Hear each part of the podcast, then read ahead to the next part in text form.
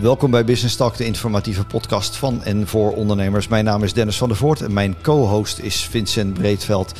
Ja, Vincent, wie is onze gast van vandaag? Dennis, vandaag onze gast is trendstratege en futuroloog Richard Lamp van het Future Expertise Center. We gaan het met hem hebben over de trendverwachting voor de economie en het MKB. En Richard, dan meteen maar de 1000 euro vraag. Is er voor de komende periode ook iets positiefs te melden? Nou, hoe kom je daar zo bij inderdaad? Nee, het is inderdaad, het ziet er natuurlijk heel erg uh, bewolkt uit, zwaar bewolkt uh, zelfs uh, de komende tijd. En je ziet natuurlijk, met name als je naar MKB kijkt, de, de corona zeg maar, heeft de MKB natuurlijk in verhouding vrij heftig getroffen.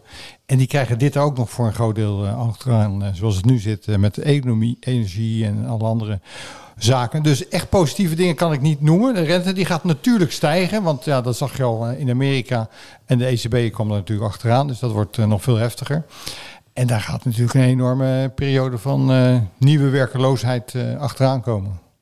En heb je ook een soort tijdsindicatie? Nou, dit gaat in verhouding vrij snel.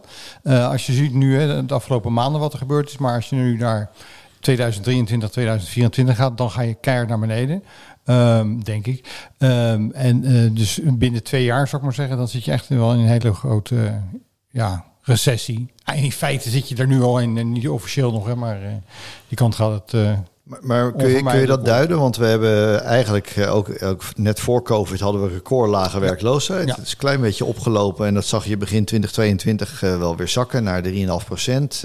dus dat, dat viel allemaal reuze reuze mee. Maar, maar waar moeten we aan denken? De, de, verhalen van de jaren 70, 80 van meer dan een miljoen werklozen? Is dat het voorland? Ik, ik, denk het wel. Het gaat iets geleidelijker, zou ik maar zeggen, dan, uh, dan de manier waarop het uh, uh, is afgenomen. Maar die kant gaat het wel op, want ja... Bedoel, maar zie je dat ook weer hypotheekrentes van 12% voorbij komen, ja, waarvan we dachten, nou, dat gaat echt ja, nooit meer gebeuren? Daarom. En dat was destijds iets van 13%, zou ik maar zeggen. Ja, dat bizar. wel heel fijn, maar... Dus nu, uh, nu zie je mensen ook helemaal paniekerig uh, met hun hypotheek uh, ook omgaan natuurlijk. En terecht, van ja, wat doe je dan? En die economie, energiecrisis, sorry, die, die is natuurlijk ook voorlopig niet weg. Want dat is ook met het hele verhaal met Rusland zit er niet in. En, en daarna krijg je ook nog weer heel veel energieheffingen en andere zaken erbij. Dus wat dat betreft... Nou, dat energieverhaal is natuurlijk een beetje ingegeven door het, de, de, de, de oorlog in Oekraïne. Ja. Um, zelf dacht ik al in maart van nou, dit, is leuk zo'n tv-actie, maar dit is niet binnen een paar weken opgelost. Nee. Het is misschien geen trend, maar, maar, maar zie je daar nou binnen een aantal maanden dat er een soort status quo gaat ontstaan, of dat het afkabbelt, of dat de partijen toch met elkaar eens worden van dit is het? Of, of heb je wel een beeld ook daarvan, dit, dit kan nog wel eens jaren gaan duren? Nou, het kan vrij lang gaan duren, want je hebt natuurlijk te maken met enorme ego's hè, van uh, met name ja, Poetin. Ja.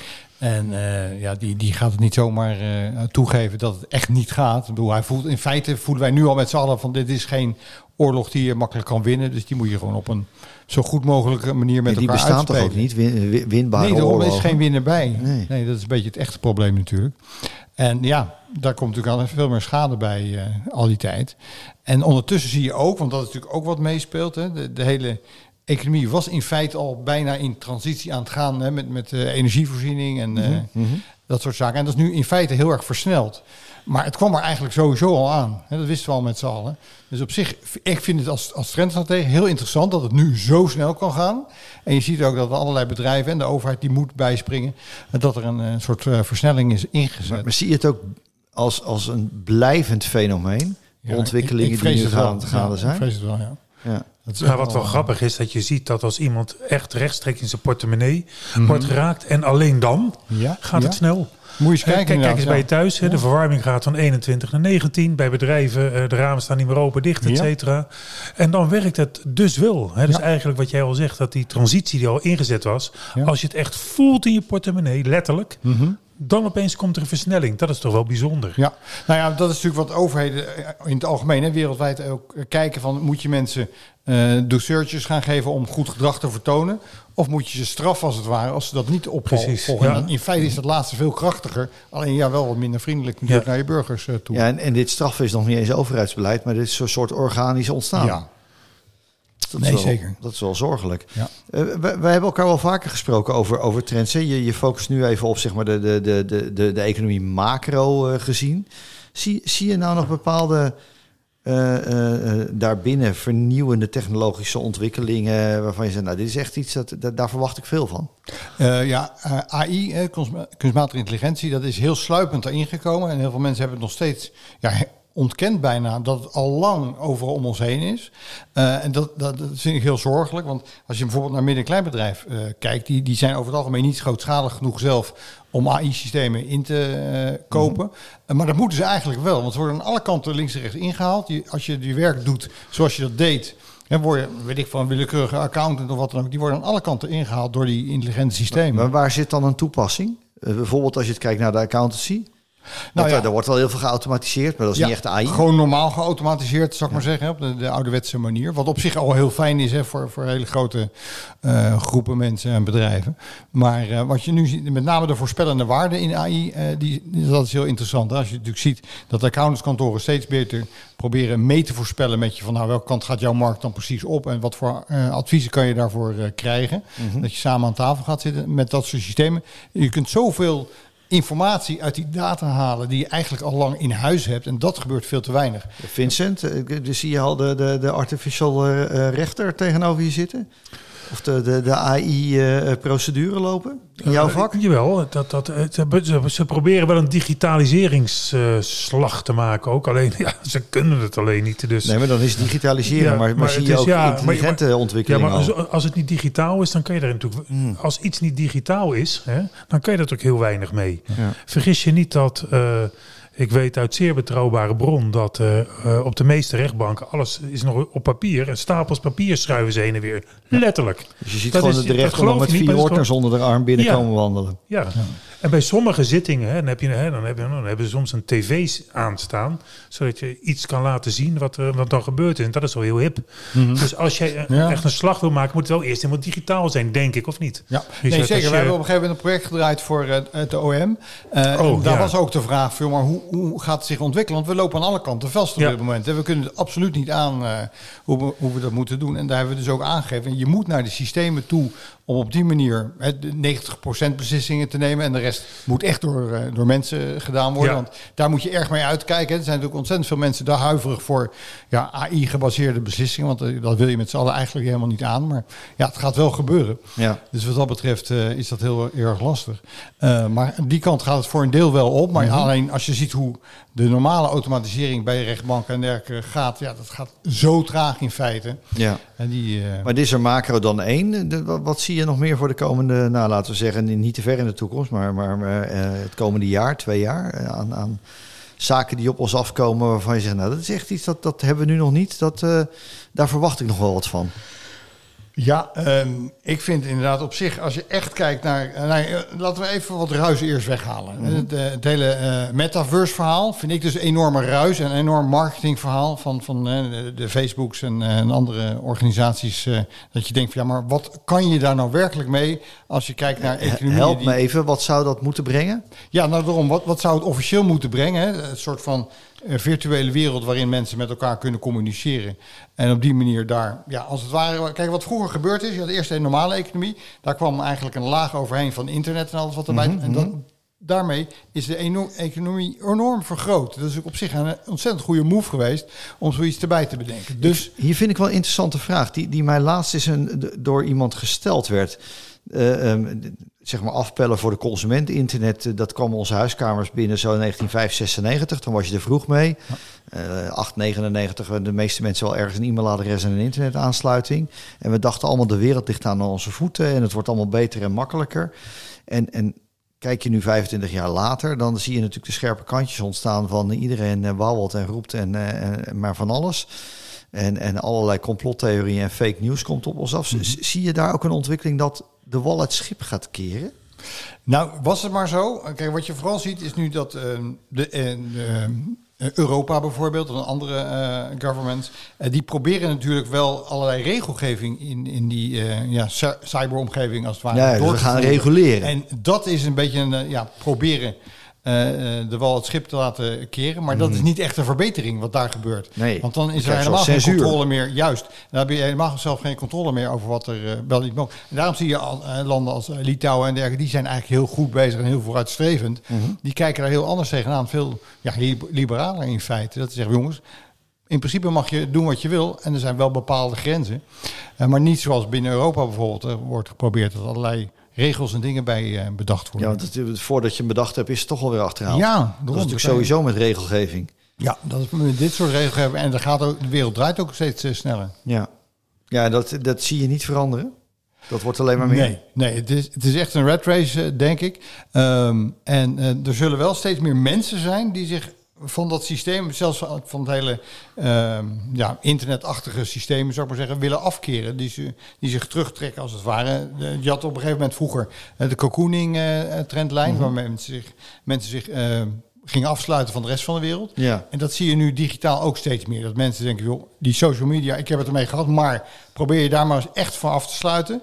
Als je nu al ziet... eh, Zie je dat als een goede ontwikkeling van- vanuit jouw vakperspectief eh nou, het bewustzijn bij de mensen, dat vind ik wel heel goed hoor. Want eh, we hebben vorige keer wel eens gesproken over eh transprivacy. Hè? Dus Mhm. de transparantie die de overheid wil en de privacy die wij als bevolking zouden willen. Daar zit een, een lekker ja, spanningsveld tussen natuurlijk.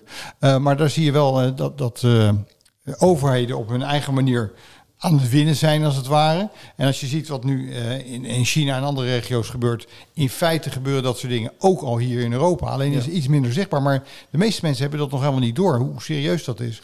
En, Maar als je, het, eh, als je nou kijkt naar de trends, als je het even micro maakt weer. Hè? Eh, en heel simpel. Als we gewoon kijken naar een MKB-bedrijf, eh, laten, we- laten we een strandtent nemen of whatever. Eh, eh, het gezamenlijk over het niet kunnen krijgen van personeel, hè, dat, daar wordt iedereen heel erg moe van.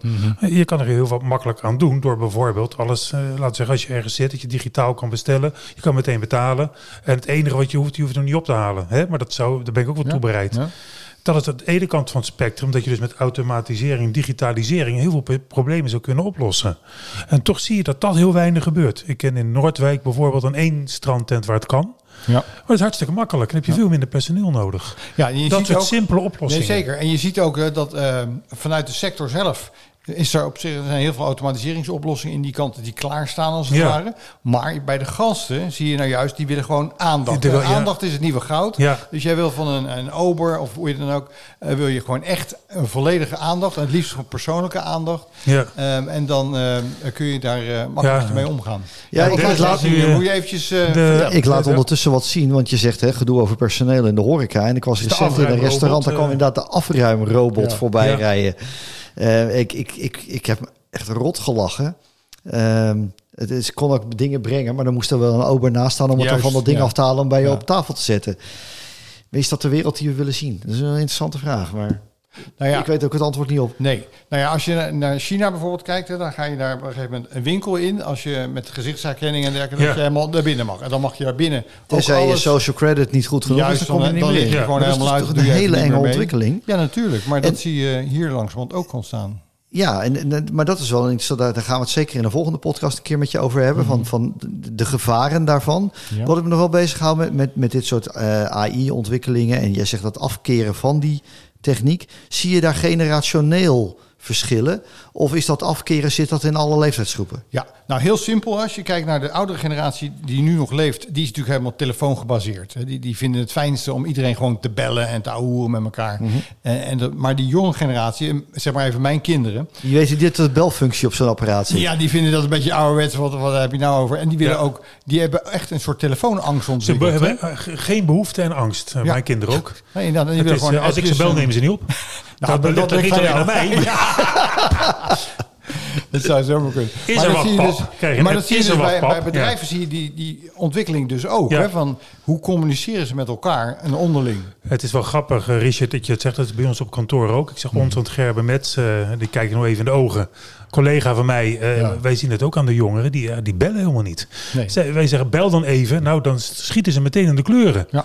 Nou ja, voor het bedrijfsleven, als je ziet, dus beurzen en dat soort dingen, die zijn ontzettend onder druk op dit moment. En ik weet ook dat ze steeds Oh. meer beurzen gratis weggeven, als het ware. Gra- Gratis deelname, gratis dit, gratis dat. Mhm. Voor het om maar zoveel mogelijk mensen. Maar jonge die mensen willen er niet heen. Maar is het ontkomen van heen. contact eigenlijk? Is Ja, het- eigenlijk wel. Want ja, je informatie die je nodig hebt, kan je toch kan je online toch wel, halen. precies. Maar ze snappen niet dat je hè, gewoon voor, om de business eh, levend te houden, dat je wel gewoon persoonlijk contact met mensen moet onderhouden. Ja, die heel veel bedrijfstakken zijn wat ik altijd noem people's business. Maar dat gaat dus echt stuk daarmee. Ja? Dat, dat, als die generatie dat, dat niet meer wil. En, eh, dat- Maar je ziet hoe wel, keer je en dat dan? zag je nou het leuke, want wij in de tijd van corona werkten wij voor eh, economische zaken. Ja. En hebben we ook aangegeven, joh, er is in deze jaren is er echt een soort vertraging in kennisdeling, omdat mensen elkaar niet zien. En ze ontwikkelen zich niet door. Ze brainstormen niet elkaar eh, bij het, bij het koffieapparaat bijvoorbeeld. En zo ontzettend belangrijk. Ja, die sociale cohesie, dat Ja. zie ik ook bij grote klanten Ja. wel. Dat, dat in eerste instantie vinden mensen wel fijn. Ik heb geen reistijd meer. Dat is wel Tuurlijk. leuk. En dan ga je ze vragen van, oké, je hebt nu een vraag. Hoe, hoe ga je dan aan je collega? Dan sturen ze een appje.